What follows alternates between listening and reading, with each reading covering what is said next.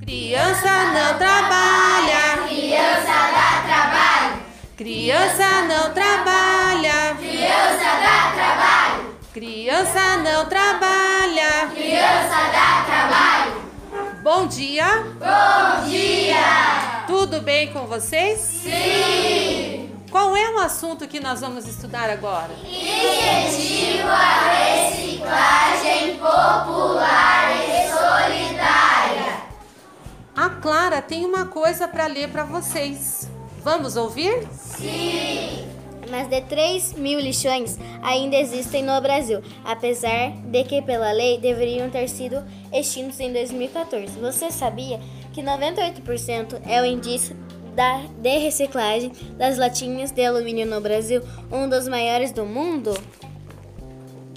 Você sabia apenas 10% dos catadores são organizados legalmente em cooperativas ou associações? Então, crianças, a Clara acabou de falar sobre a reciclagem. Levante a mão aqui quem já viu catadores de lixo pela rua. Olha, todo mundo aqui viu na rua, percebeu. Abaixa a mão. Só que a nossa revistinha, ela está falando que existem catadores de lixo que não podem catar lixo. Quem são? As crianças. Lugar de criança é catando lixo no lixão? Não. Agora digam para todos os que estão ouvindo a gente, o que, que a criança tem que fazer? Tomar banho. Pensar ser preguiçoso. Aprender. A saúde. E Isso mesmo, isso mesmo.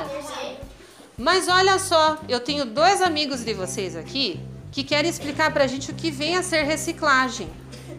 A reciclagem é muito importante para várias famílias. Mas o que não é certo é deixar a criança trabalhando como catadora de lixo. Então, qual o seu nome? Vitor Siqueira da Silva. O que que é reciclagem, Vitor Siqueira? Na minha opinião, reciclagem é tipo aquele lixo que dá para ser reutilizável. Muito bem. E agora tem mais uma colega aqui. Qual o seu nome? Nathalie, Nathalie, explica pra nós o que é reciclagem. reciclagem é um negócio que dá pra gente reciclar, que lixo que não é lixo. E que não é lixo vai para um aterro. Isso mesmo. Olha que assunto importante. Vocês aprenderam alguma coisa aqui? Sim. Ah, eu tenho mais uma parte. Crianças, tem um cartaz bem aqui na frente. Vocês estão enxergando? Sim. Qual é o título que tá nele? Reciclagem. Ah, muito legal. Mas tem dois colegas aqui que vão falar sobre isso. Como que é seu nome?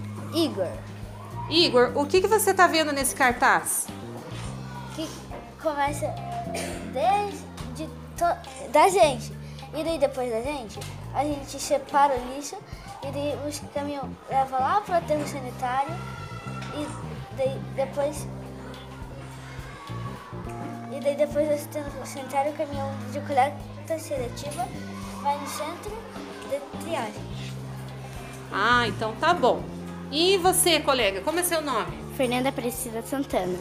Fernanda, explica para nós o que, que é essa rota da reciclagem. O que que Eu você vejo vê? aqui crianças brincando que não podem trabalhar e o aterro sanitário que está jogando o lixo que não é lixo.